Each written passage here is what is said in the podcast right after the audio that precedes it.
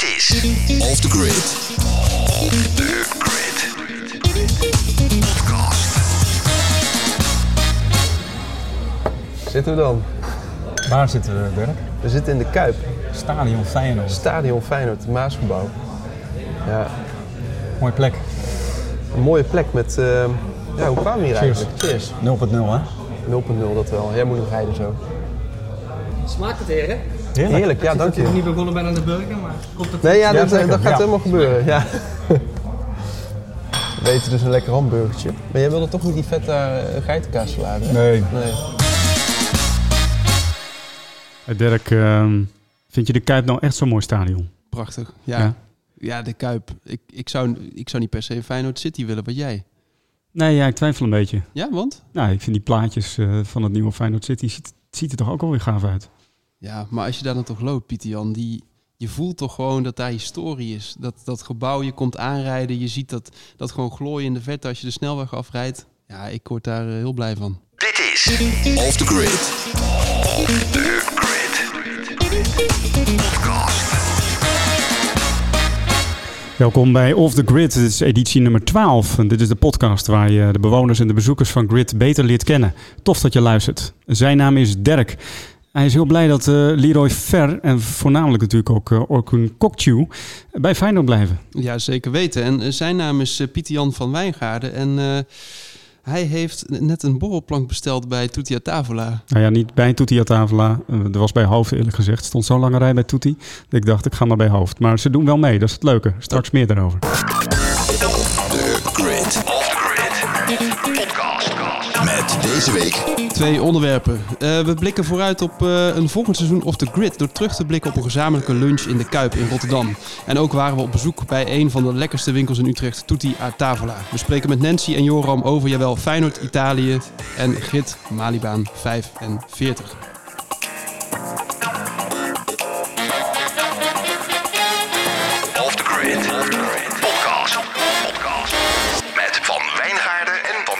Pieter Jan en Dirk. Hey um, Dirk, wij waren twee weken geleden dus in de Kuip.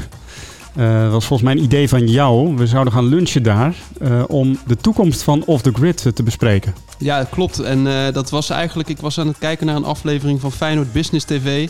En ik zag Jan-Dirk Stout, dik advocaat, interviewen. En ik pakte mijn telefoon en ik appte heel spontaan... joh, moeten we niet even in het Kuipje lunchen?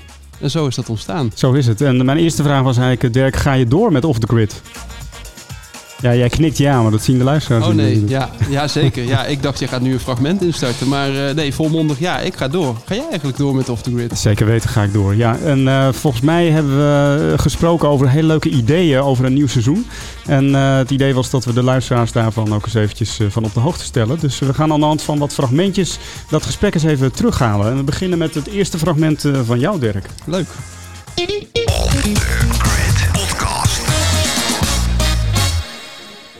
Wat betekent Feyenoord voor jou eigenlijk, Pieter Jan? Feyenoord. Vooral iets uh, waar ik heel veel plezier aan beleef met mijn gezin. Samen voetbal kijken. Samen uh, ons kwaad maken over uh, heel veel dingen. Heel, ja. heel soms blij zijn. En, en Rotterdam natuurlijk. Dus Rotterdam is toch wel een beetje mijn droomstad. Ik zou ook heel graag een grid in Rotterdam willen. Ja? Zijn we mee bezig geweest, maar dat was net een beetje te vroeg. Hmm. Nou ja, ik zou wel met je meedoen, denk ik. Rotterdam, mooie stad, man. Weet je nog dat wij bij die wedstrijd na Feyenoord-Napoli waren? Dus ik heb dat opgezocht. Dat was in 2017, in september, 29 september 2017 geloof ik uit mijn Ja. hoofd. Dat was wel echt fantastisch, hè? Ja. Europese wedstrijd. 2-1 hè? 2-1, Sint-Juste die de uh, Ja. winnende maakte. Ze De kwamen buurt eerst van van Malasia. Malasia. Ze kwamen op 0-1 achterstand volgens mij toen wij binnenliepen. Ja, we liepen net binnen, ja. Ja, we waren te laat. Volgens mij, uh, want ik belde jou om 7 uur of zo. Nou, niet te laat. Ja, je belde mij heel last Ik belde je Ja. om 6 uur of zo, ga je vanavond mee naar de Kuip. En dan Ja. uh, half negen was die wedstrijd. Ja, joh, en ik zat nog in Nijmegen. Dus Ja. ik zat bij, eh, hoe heet het ook alweer? Uh, oortjeshekken. Bij een, een of andere haardvuur met, eh, met Marlijn te chillen. En toen eh, belde jij. Nou, niet geaarzeld, op die fiets gestapt, in de auto gesprongen. Die oude Seat Leon die inmiddels ergens op de schoot ligt. Oh. eh, avonturen mee beleefd. Toen heb ik hem op een of andere parkeerplaats gezet. Toen heb jij mij opgehaald. Toen zijn we als een man naar die Kuip gereden. Ja. Toen hebben we nog heel lang in de rij gestaan. En we kwamen nog de spelers tegen van Napoli. Die stapten de bus uit, weet je ja, ja, ja. Ja, dat is echt een beleving. Ja. Avondje in de Kuip.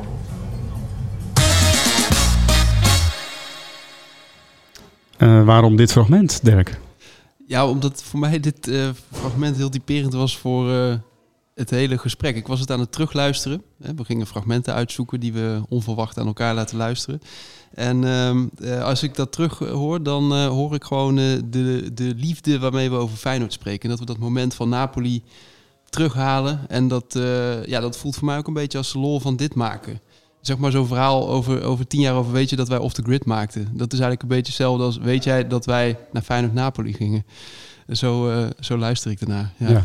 En dat eh, deed natuurlijk ook mee dat dat op zeer korte termijn was. Hè? Dus je zei het al even. Ik belde jou om zeven uur s'avonds. Om half negen eh, zaten we in de Kuip en je moest nog uit Nijmegen komen. Ja, ja. En dat heeft ook wel iets te maken met de druk die wellicht ook zit achter podcast maken.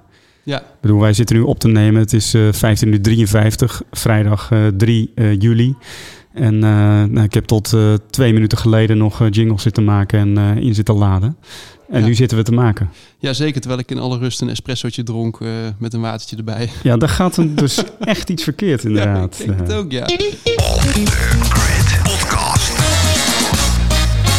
Als je met Paul Kirst in gesprek bent over zijn visie op coworking. En ik heb het natuurlijk al eerder meegemaakt toen in het kader van, nou Kessels en Smit, het jubileumboek wat wij maakten.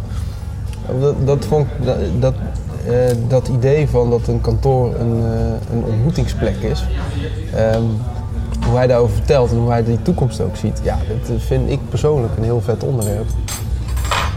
Wat mij wel eh, puzzelt, dat is zo'n lekker woord, wat mij wel puzzelt in deze tijd is van ehm, eh, dat veel mensen dus thuiswerken en dat je eigenlijk een beetje de, elkaar ook mist op de werkvloer of zo. Ja. En dat iedereen ook een beetje realiseert, ja, op, op je werkplek kom je eigenlijk ook om eh, misschien wel minder om te werken dan, dan, Ja. eh, dan, je, zou, dan je zou denken Ja, of zo. ja, ja, ja. Dus de, de hele betekenis van, hé, hey, wat is een werkplek nou eigenlijk? En waarom hebben we dat ooit zo bedacht dat dit een werkplek is? Met een kantoor die er zo uitziet en alles wat erbij komt kijken. Ja, Pieter Jan, eh, waarom dit eh, fragment? Ja, ik vond eh, dat wij tijdens dat gesprek op een heel leuk idee kwamen. En in dit fragment wordt dat eigenlijk, wat mij betreft, heel goed samengevat.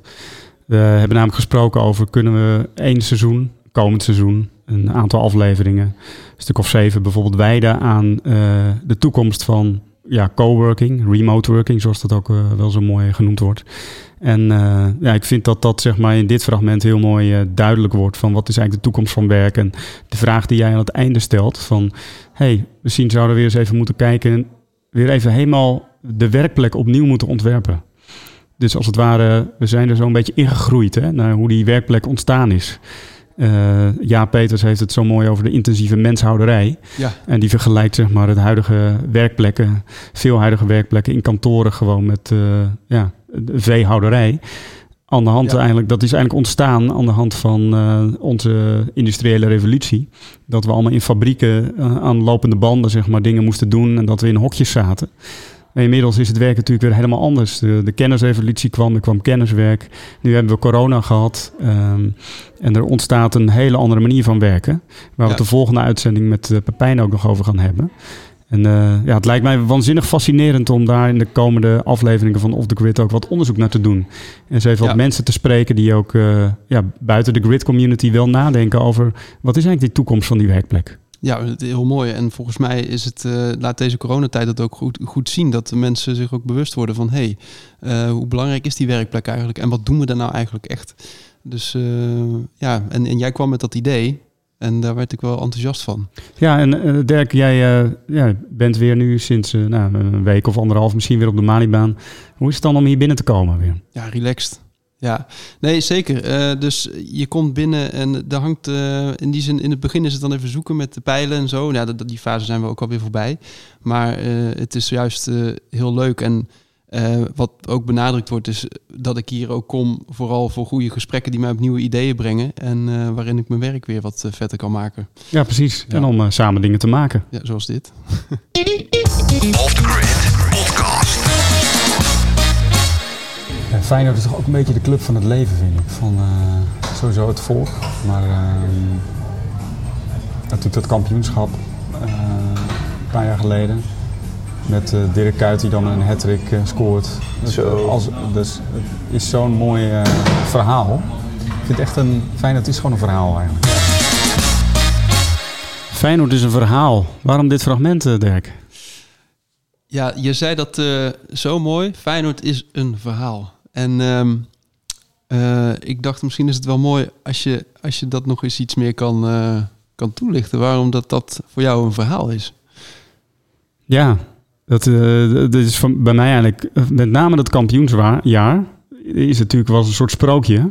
Ja, Wat eigenlijk gewoon helemaal niet realistisch is. want? Nou ja, d- eh, de kampioenswedstrijd tegen Excelsior. Oh ja, ja. Zakte jij ook niet in de bank weg toen? eh? Ja, tuurlijk. Ik zat, iedereen zat klaar, ik zat klaar.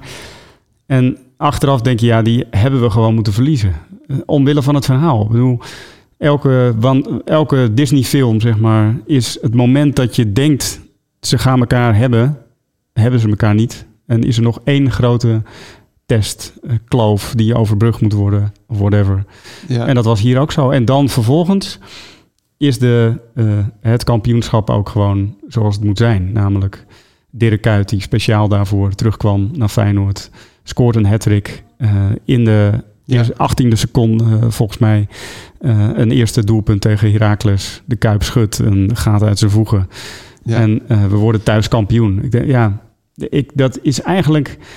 Sommige gebeurtenissen zijn eigenlijk gewoon bijna minder realistisch dan dat ze... Of die kunnen bijna niet waar zijn. En dat heb ik met Feyenoord eigenlijk ook. Het is een verhaal. Wat grappig, want eh, je noemt ook de, de, club van het leven, hè? Ja, Ja, en, ehm, en terwijl in, in, dus in, in het leven zijn dingen soms minder heroïs zou ik haast willen zeggen. Ja, en, de- en dit gebeurt natuurlijk ook maar eens in de 100 jaar of zo. Wat is het? Eens in de nou, 20, denk ik, bij Feyenoord. De, wat is het? De 78, de Europa Cup. En dan ergens 2000 nog wat. Ja, Eh, ook Europa Cup 2. En, dan, eh, 2002. en nu weer het landskampioenschap. Een paar bekertjes tussendoor. En de vraag is natuurlijk hoe lang moeten we wachten tot, eh, eh, Ja. tot we weer mogen. Dus eh, veel inderdaad. eh Feyenoord is vooral blues. Ja. Feyenoord is vooral blues. En, als ze dus, en ik vind het ook wel interessant, want daarom heb ik dit fragment ook gekozen. Van wat als Feyenoord een verhaal is, hoe, hoe kijk je vanuit dat perspectief naar grit? Grit Ja. als verhaal. Nou, ik denk dat, dat, we steeds, dat we er steeds beter in slagen om een verhaal van te maken. Het begon natuurlijk met de Malibaan als verhaal. Ja. En eh, Paul die vanuit Kessels Smit dat pand koopt, daar een cowork space in maakt.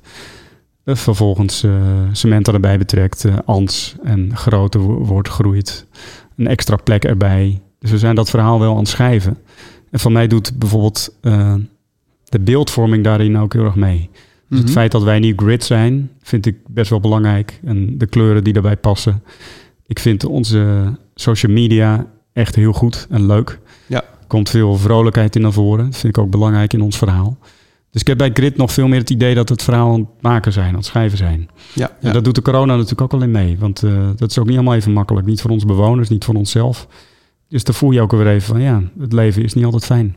ja, dus eigenlijk zou je kunnen zeggen dat we in het hier en nu een soort van eh, een, een verhaal maken met elkaar. Ja, en Ja. eh, volgens mij doe jij daar aardig aan mee met deze podcast. Off the Grid zou eigenlijk ook wel iemand in de Kuip hier willen interviewen. Zou Frank Arnezen te zijn of zo? Dikkie? Over eh, de toekomst van eh, remote working en voetbal. Wat betekent Feyenoord voor jou eigenlijk, Pieter Jan? Feyenoord. Vooral iets eh, waar ik heel veel plezier aan beleef met mijn gezin.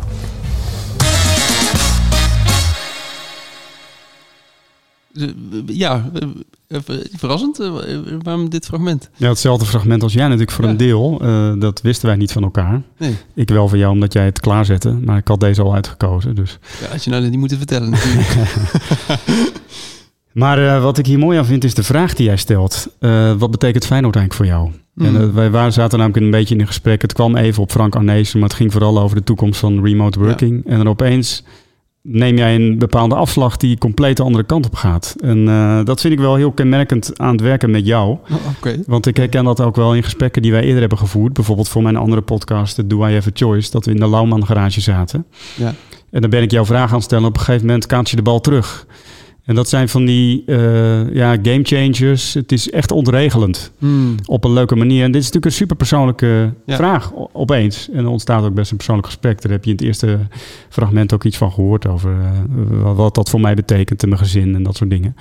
En, ehm, en door zo'n vraag zeg maar niet op te bouwen, maar ineens erin te schieten, is die, ook, eh, is die opeens ook raak.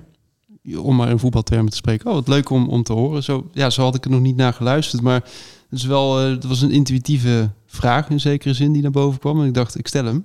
En ik vond vervolgens, nu ik daar zo over nadenk, vond ik ook wat je daarover vertelde. En hoe je het heel persoonlijk maakte, bracht het je ook op een gegeven moment op een mooie manier naar, ehm, ehm, hoe heet het, jouw soort droom met, met, met grid. En je vertelde iets over je ambitie eh, om ooit een grid in Gorinchem te hebben. Je vertelde herinner ik me nog dat je het ook zo tof zou vinden om, eh, om je kinderen te, eh, te betrekken bij ondernemerschap. Ehm, waar je ook heel tof over vertelt. Ja, dus dat, eh, dat, dat brengt jouw intuïtie dan toch maar teweeg, Dirk. Dus ik zou zeggen, blijf dat maar inzetten. hey, maar ehm, nou hebben we een aantal van deze fragmenten zo terugbeluisterd. Welke conclusies trekken wij over het volgende seizoen of The Grid? Ja, volgens mij, en ik uh, heb nu even niet scherp of we dat uh, heel goed nu naar voren hebben gekregen. Maar volgens mij kwamen we al filosoferend en bouwend op een heel nieuw idee. Voor een uh, tweede seizoen van Off the Grid. om dat in het teken te stellen van remote working. En um, daar zei natuurlijk in het begin al iets over. En um, ja, dus het was in die zin gewoon heel goed. Ik denk dat we dat ook vaker moeten doen. Gewoon op een random plek uh, brainstormen over hoe we iets uh, nieuws kunnen doen, bedenken, maken. En uh, dan zie je toch dat je in drie kwartier tijd een vet idee bedenkt. Ja, ja dus dat is uh, wat jij het komende seizoen van ons kunt verwachten. een ja, aantal afleveringen. Wij zitten aan zeven te denken, waarin wij op onderzoeken uitgaan naar de toekomst van remote working, zoals dat zo mooi heet.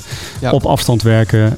ook de, de plek die locaties als grid ook daarin innemen, maar misschien ook thuiswerken en het kantoor van een groot bedrijf waar je wellicht ook werkt. We gaan het uh, onderzoeken en we gaan met experts uh, praten. We gaan eigen ervaringen opdoen.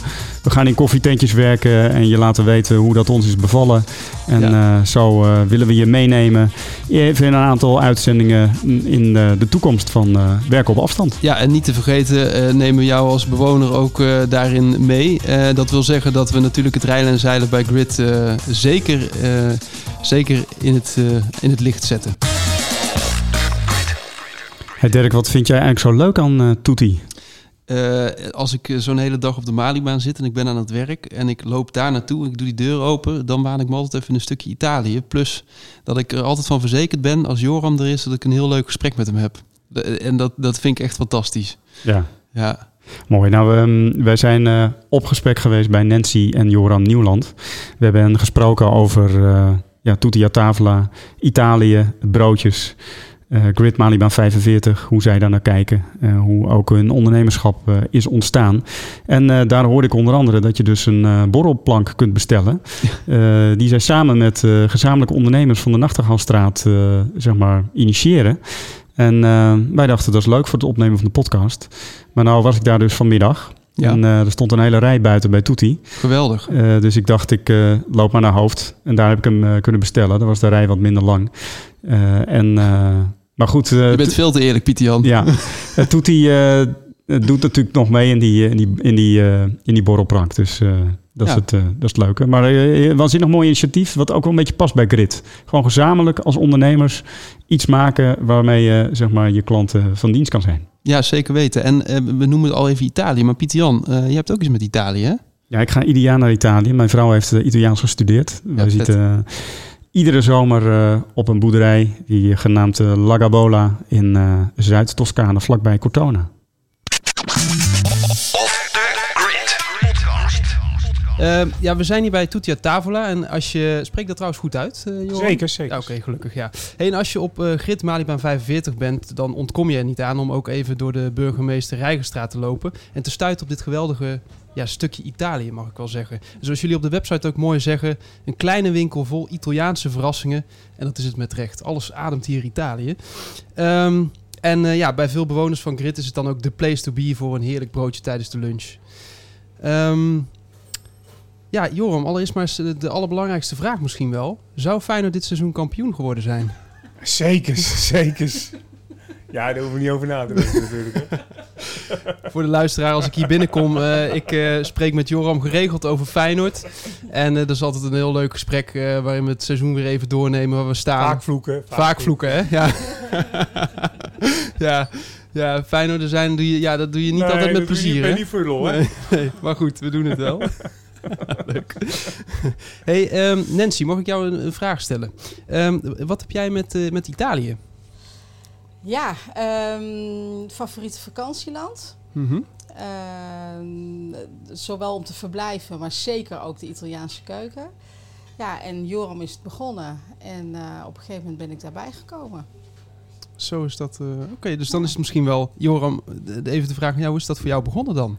Maar ik, zat, ik deed het voordat ik bij Nens deed, deed ik samen met een andere compagnon, een vriend van mij. Ja. En die, ehm, toen zaten we op een camping in midden in Toscane ergens, boven op een berg, mooi uitzicht, bla bla, je kent het allemaal wel.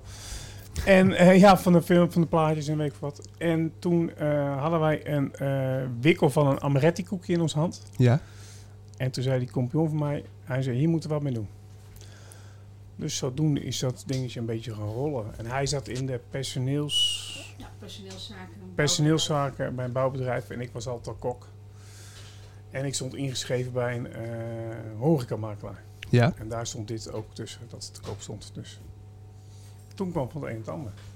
En dat is ehm, volgens mij sinds 1995, als ik het goed heb. eh, Wat ik ja, het op jullie bestaat site. sinds 95 en wij hebben het in 2008 overgenomen.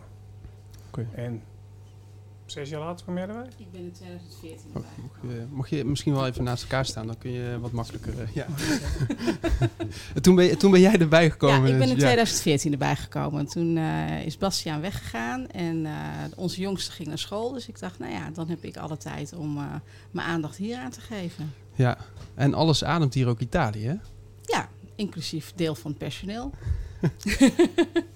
Ja, dat is waar. Ja, ja regelmatig krijg ik Italiaanse taalles eh, ja, hier ook. Ja, dat is ja. allemaal extra service.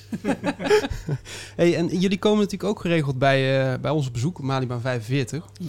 En eh, ja, dit is natuurlijk wel een, een, eh, een pittige vraag. Maar stel, hè, je, zou, je komt er regelmatig binnen, je proeft wat van de sfeer. En stel je zou Malibaan 45 moeten omschrijven in de vorm van een broodje. Wat, wat voor broodje zou dat dan zijn? Oh jeetje. Ik zat eerst te denken van, oh, een algemene metafoor. Ik denk, oh, huiskamergevoel, maar... Ja, Ja, hoe een vertaal je het broodje. huiskamergevoel in een broodje? Ehm, nou ja, wij hebben hier het broodje tutti a tavola. Dat is ons huisbroodje. Een, eh, mozzarella, eh, pesto en tomaat. Ehm, en ik denk dat dat ook wel de sfeer is die jullie uitademen. Ook echt dat huisgevoel. Het is heel erg ons kent ons. Ehm, en dat, dat, ja, dat dragen jullie wel echt, naar, eh, echt uit. En dat, dat merk je gewoon aan de mensen die bij jullie komen. Maar dat merk je ook aan het personeel zelf. Het is wel, eh, het is wel leuk dat je dat zegt, want ik heb het idee dat als jullie broodjes leveren bij ons en eh, die schalen staan op de bar, dat het broodje tutti a tavola het eerste weg is. Ja, maar er Heb zijn jij ook dat ook, ja, Ja, dat, dat, dat klopt trouwens wel. Ja, Die is wel heel populair inderdaad. Ja. Ja, maar dat is, dat is overal. Het broodje toet de tafel, als we dat op een schaal neerleggen bij bedrijven, en als dat is eerst op. En eh, wat we ook nooit van de broodskaart halen, is broodjes met tonijnsalade. Weet je, dus precies hetzelfde. Die zijn altijd twee als eerste op. Voor de rest, ja. Dus Worden ook gewoon in de winkel, gewoon voor mensen die hier langskomen. Zoals jullie ook langskomen, dan is zijn die deels de, de twee die het hardst lopen. Dus wat dat betreft zijn we helemaal niet zo uniek als we denken. Nee, dat blijkt maar weer. Ja, die Het is conclusie zo jij geworden, hè? Ja, ja. Pieter, dan welk broodje bestel jij eigenlijk altijd hier als je komt? Eh, nou, de tutti a tavola die eh, staat, eh, de Bressa Ola vind ik ook lekker. Ja. En eh, ik had, laatst had jij een broodje zwaardvis voor mij meegenomen. Die was ook Ja. eh, erg lekker. Ja, maar het, het meest grappige is, van de week was hier ook volgens mij iemand die bij jullie werkt.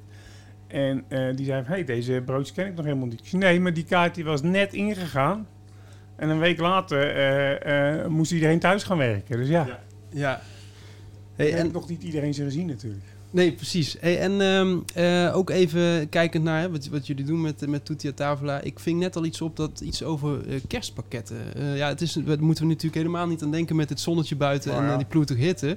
Misschien voor even een paar seconden. Maar kunnen jullie daar iets over vertellen? Wat, wat gaan jullie daarmee doen? Hoe kunnen wij daar eh, ook gebruik van maken misschien? Ja, en het uitdragen wellicht. Ja, wij, eh, wij maken kerstpakketten. Dat doen wij eh, voor elk budget en voor allerlei soorten bedrijven. Dus dat kunnen kleine pakketjes zijn, maar dat kunnen ook grotere pakketten zijn. En ook de aantal, we zeggen niet van, oh, het moeten er per se zoveel zijn. Het gaat vaak in overleg. Dus wat wil je je personeel geven? En dan komen wij met een voorstel en dan kan daar een keuze in gemaakt worden. Nou, hartstikke mooi.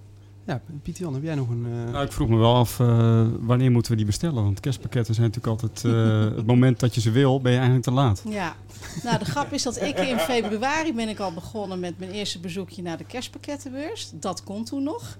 En eh, dus toen heb ik al wel een aantal eh, ja, ideeën genoteerd. En eh, ja, ik ga meestal zo, als wij op de camping zitten in de zomer, dan begin ik met mijn eerste voorbereidingen. En dan eh, ja, vanaf oktober, november gaan we draaien. Ja, en dan kunnen wij ook gaan bestellen bij jullie. Ja, zeker. zeker. Ja, de ja. bedoeling is wel dat ze gewoon in oktober... De bedoeling is wel dat ze in oktober op de website staan al. Dat zal wel helpen. Het, het ja. probleem is soms dat je met eh, echt specifieke eh, kerstproducten vanuit Italië... die krijgen we pas begin november, half november binnen. Ligt dan maar net aan even hoe snel de levering... eh, Ja. geleverd, hoe snel het geleverd wordt. En dat is af en toe even het nadeel. Ja. Ja, het gros kunnen we er al op zetten, weet je, met een foto en met een... Want we hebben de eh panettones, bijvoorbeeld het Italiaans kerstbrood, wat er altijd in zit. Daar hebben we natuurlijk foto's van gemaakt vorig jaar. Dat zetten we die erbij en dan... Hè, Ja, ja. afbeeldingen kunnen afwijking van het eh, origineel. Maar het gaat erom wel dat het dat dan wel is, weet je. Want wij, ja, anders kan je niks. Zeker. Anders komt echt iedereen pas begin december. En, eh, Ja. en kijk, voor een pakket of 10 of 6 maakt het allemaal niet zoveel uit. Maar als we Mhm. een keer 100 of 200 pakketten willen, dan denken we, ja, oké, Ja. nu wordt het spannend. Krijgen we dat nog allemaal binnen? Hey Joram, eh, tot slot. ehm, ja, Feyenoord volgend seizoen, wat denken we ervan? Hij moet volgens helemaal weer kampioen worden. hè? Ja, dat denk ik ook, hè? Ja. hey, hartstikke leuk. eh, ja, dan komen we het hier zeker vieren. Ja, ja, ja, ja, ja, absoluut. Zet uh, Italiaanse wijn maar koud en zo. het Ja. helemaal niet uit, joh. Hey, hartstikke leuk, eh, Joram en Nancy eh, Nieuwland, om bij jullie op bezoek te zijn hier bij Tutia Tavola. Eh, wij gaan nog even een broodje bestellen, denk ik, hè, Pieter Jan? Je hebt er net een op, uh, meetrekt. Ja, dat, is- dat zou nou net... Nou ja, goed. Ja, daar ga ik weer. Hey, dankjewel. Off the Grid Podcast. Ja, wat mooi, Pieter Jan. Het, is, eh, het was wel echt waanzinnig om daar even op bezoek te zijn, hè? Ja, superleuk gesprek. Ja, eh, fijne mensen, eh, lekker eten. Dus nou ja, ik zou zeggen, als je bewoner bent van Grid Bloemenheuvel, kom eens langs hier bij Grid Malima 45 om een lekker broodje te halen bij Tutia Tavola. En Pieter Jan, nog één ding. Dat Bresseola, hoe spreek... Hoe. Bresseola. ik kan zien dat jij ook Italiaans Ja, les een soort van te- carpaccio-achtig. lekker hoor. Ja? Oh, nou, daar ga ik de volgende keer dan voor. Hey, ehm Pieter Jan, eh, ja, volgens mij hebben we nog één eh, aflevering te gaan, hè? Dat klopt, ja. Eén aflevering eh, voor de zomer. En dat wordt natuurlijk een spetterende aflevering samen met onze compagnon, of mijn compagnon eigenlijk, Pepijn Pillen. Pepijn Pillen. Dus, Precies. ja, Die gaan we eens even het, het hemd van de lijf vragen. het hemd van de lijf vragen. Is het niet het lijf? Het hemd van het lijf vragen, sorry. Ja. De lijf, het lijf. Lijf is lijf. Hemd van het lijf. Volgende uitzending, Pepijn Pillen. Thuiswerken en toch buitenshuis? Grit Bloemenheuvel is een bruisend kantoor waar je flexibel kunt werken en vergaderen. Waar je klanten inspireert en productief samenwerkt met je collega's en collega-ondernemers. Vind je tweede thuis op Landgoed Bloemenheuvel. Hoofdstraat 25 in Driebergen. Grit schrijf je als G-R-Y-T-T-E. Gritbloemenheuvel.nl